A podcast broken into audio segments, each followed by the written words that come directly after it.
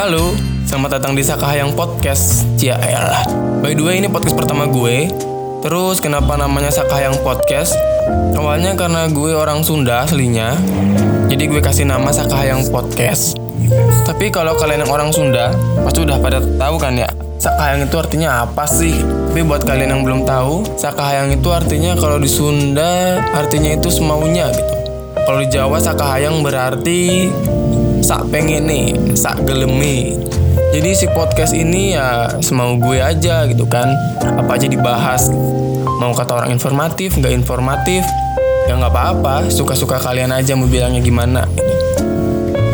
Karena menurut gue informatif itu tergantung pengetahuan orang yang dengerin sih. Misal kayak chef dikasih tahu cara motong ayam yang bener Mungkin dia nganggapnya apaan sih gitu doang Motong ayam tinggal seret-seret-seret gitu. beres karena dia chef tapi buat mereka yang belum tahu cara motong ayam yang benar kan jadi informatif banget ya. Tapi niat awal gue bikin podcast ya bukan karena mau ngasih informasi yang informatif sih, tapi cuma mau ngobrol-ngobrol doang. Syukur-syukur ada informasi yang informatif. Kalau kagak ada ya nggak apa-apa juga. Balik lagi ke podcast karena ini masih podcast pertama gue. Di sini gue rekaman sendirian dulu, kagak ada narasumber atau lawan bicara. Masih ngomong sendirian, mungkin isinya baru perkenalan, dan pembahasan tentang college art. Ya, college art, seni kolase lah. Oke, kenalin nama gue Habib. Gue di podcast pertama ini masih mahasiswa di salah satu universitas di Magelang, negeri, yang bisa dibilang cukup mulai terkenal, lah. Terkenal di Magelang maksudnya. Terus hobi gue dengerin musik, gue seneng banget nonton film, sampai bela-belain bergadang buat nonton film doang.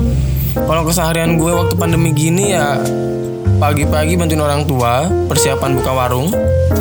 Terus siang paling gue leye-leye karena gue nggak pinter jualan. Kaku banget kalau kalau ngeladangin pembeli. Dan gue tipe orang yang betah banget di rumah. Serius, betah banget. Bahkan gue selama pandemi ini kagak ada kayak orang-orang yang ngerasa bosen di rumah kayak mereka jenuh, update status sana sini katanya bosen, pengen jalan-jalan, pengen keluar rumah, butuh refreshing, kalau gue nggak ngalamin sih kayak gitu. Kadang sampai temen-temen gue heran juga kadang. Terus mereka nanya ya ke gue eh Bib lu kok betah sih di rumah mulu? Tapi malah gue yang aneh ya. Harusnya kan gue yang tanya kenapa mereka kagak betah di rumah gitu. Padahal fungsi rumah kan dibikin biar lu betah terus rumah itu ada biar lu bisa istirahat dan balik lagi. Lu betah karena itu fungsi utama rumah. Tapi setiap orang beda kan ya? Mungkin mereka dan temen gue yang nggak betah di rumah karena ada faktor A, B, C, D dan sebagainya yang gue nggak tahu. Yang bikin mereka kagak betah diem di rumah. Mungkin ada yang mereka sehari aja diem di rumah kagak betah. Stres. Baru sehari doang padahal. Itu juga nggak 24 jam. Tapi udah bosen tapi gue tetap aneh sih setiap ditanya kenapa sih lebih betah di rumah gue juga bingung jawabnya ya. Kadang gue balikin aja malah lu kenapa kagak betah di rumah gitu kan? Padahal fungsi rumah biar lu betah di dalam rumah. By the way di sini gue mau bahas tentang college art. Mumpung gue lagi seneng banget sama yang satu ini nih ya elah sosokan anak art jadi college art ini termasuk seni kontemporer atau seni postmodern karena apa karena komposisi yang dihasilkan dalam seni kolase ini tidak terikat aturan grid, penyajian warna dan sebagainya. Kan kalau kita tahu kalau desain itu ada grid, penyajian warna yang pas seperti apa, terus grid yang simetris eh, seperti apa. Nah, kalau polis art itu bebas, sangat bebas. Penyajian warnanya bebas, aturan gridnya tidak ada bahkan dan sebagainya. Dan terutama collage art ini bertujuan untuk menyampaikan ekspresi si pembuatnya. Jelas, pasti setiap desain itu apa ya dibuat oleh seniman atau desainer grafis atau ya kalian atau ya siapa aja lah. Pasti desain itu dibuat untuk mengekspresikan apa yang ada di pikiran kalian atau yang sedang kalian ingin beritahu kepada publik gitu. Terus kores art ini merupakan komposisi artistik dari berbagai bahan seperti kertas, kain, kaca, logam, dan sebagainya yang kemudian disusun dan ditempel di permukaan gambar sehingga terbentuklah sebuah seni kolase. Nah kemudian kolase kata kolase ini terbentuk karena adanya apa ya karena adanya komposisi perpaduan gitu dari berbagai apa ya uns, med, apa ya medium kayak kertas kemudian disatukan sama kaca atau kertas sama kertas lain tapi dengan gambar yang berbeda. Nah kemudian disatukan menjadi suatu gambar yang baru maksud yang baru arti yang baru. Nah itu disebut maka disebut sebagai kolase. Kalau cuma satu gambar doang terus disobek-sobek tapi masih gambar itu ya itu ya tidak termasuk kolase gitu. Kemudian apa ya seni ini populer di era 90-an yang yang gue baca ya di Google yang gue dapat di Google. Seni ini pop, seni ini populer di era 90-an di mana banyak para remaja yang menulis jurnal. Mungkin pasti itu jurnal zaman sekarang yang mungkin apa ya? Buku harian dan lain-lain yang penuh dengan gambar. Nah maka dari cikal bakal itu muncullah sebuah istilah atau sebuah karya yang kemudian dinamakan sebagai college art ya. pada masa itu ya tapi masa itu belum digital. Masih kita harus mencari misal dari majalah ada foto orang kita gunting di majalah ada foto pemandangan kita gunting ada foto objek kita gunting. Terus kita satu padukan kertas itu menjadi sebuah gambar dan dan apa ya arti yang baru sesuai apa yang ingin kita tunjukkan dan kita ekspresikan kepada publik. Nah maka itu baru jadi college art. Tapi seiring berjalannya waktu kan sesuatu yang hype itu pada era 90 kan hype kemudian akan menurun menurun menurun menurun hingga akhirnya karya seni itu terangkat kembali atau populer kembali di tahun 2019 College art ini kembali ramai dibuat oleh anak remaja namun tidak lagi apa ya? Nggak nggak lagi pakai sobekan kertas atau kaca logam dan lain-lain kayak yang tahun 90-an tapi sekarang lebih modern. Dengan apa?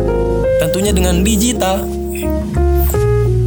Ya apa ya? Digital itu lebih memudahkan dan membuat orang lebih gampang untuk mengekspresikan apa yang dia buat dengan cepat dengan masa yang lebih luas karena mereka apa ya memposting hasil karyanya di sosial media bisa di Instagram, Facebook, Pinterest, Twitter, Behance, Dribble apa pun lah pokoknya yang bisa untuk kita mengupload gambar. Kemudian apa ya bedanya? Bedanya digital college art dengan college art yang dulu yang 90-an itu. Bedanya tentunya pada medianya. Kalau dulu emang harus digunting-gunting kita satukan kita lem kita pajang besar-besar gitu kan. Ya mungkin ada yang sedang juga. Nah kalau yang sekarang digital college art itu yang membedakan adalah media pengolahannya. Jelas. Sesuai dengan namanya juga digital gitu kan. Digital college art ini dibuat secara digital menggunakan beberapa software pengolahan grafis. Software pengolahan grafis itu apa aja ya? Buat yang kalian tahu apa ya? Paling kayak so Photoshop Corel Draw Illustrator. Terus sekarang ada yang baru kayak Affinity Design. Itu hampir sama kayak Illustrator. Bikin vektor juga yang Affinity itu. Bisa juga dibuat untuk college art ngemasking masking gitu kan. Semua bisa. Mau Photoshop atau apa pun kemudian apa ya college art ini juga dari yang aku dapat di Google, college art ini juga dibagi menjadi tiga apa ya, ketiga ketiga kategori gitu. Mana kan aku jelasin secara singkat. Yang pertama itu ada college art estetika, terus kedua college art fungsional, ketiga college art campuran.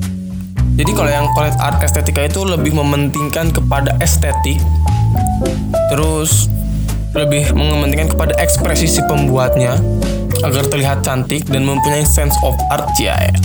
sense of art gitu kan. Terus kalau yang college art fungsional sesuai namanya fungsi fungsional. Jadi college art ini lebih apa ya lebih mementingkan pesan yang ada di dalamnya gitu kan.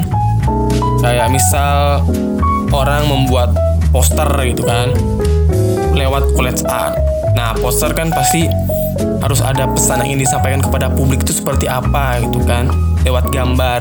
Nah, untuk poster ini mungkin dibuat dengan collage art, dibuat sedemikian rupa kolasenya sehingga terciptanya poster yang memiliki pesan tertentu melalui kolase. Nah.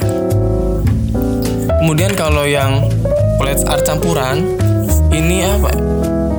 Emang campuran atau peleburan dari estet estetika dan fungsional gitu. Jadi selain mementingkan estetik, kecantikan, sense of artnya atau pengekspresian dari si pembuatnya, tapi ini juga terdapat pesan-pesan yang ingin disampaikan oleh pembuatnya kepada publik gitu kan.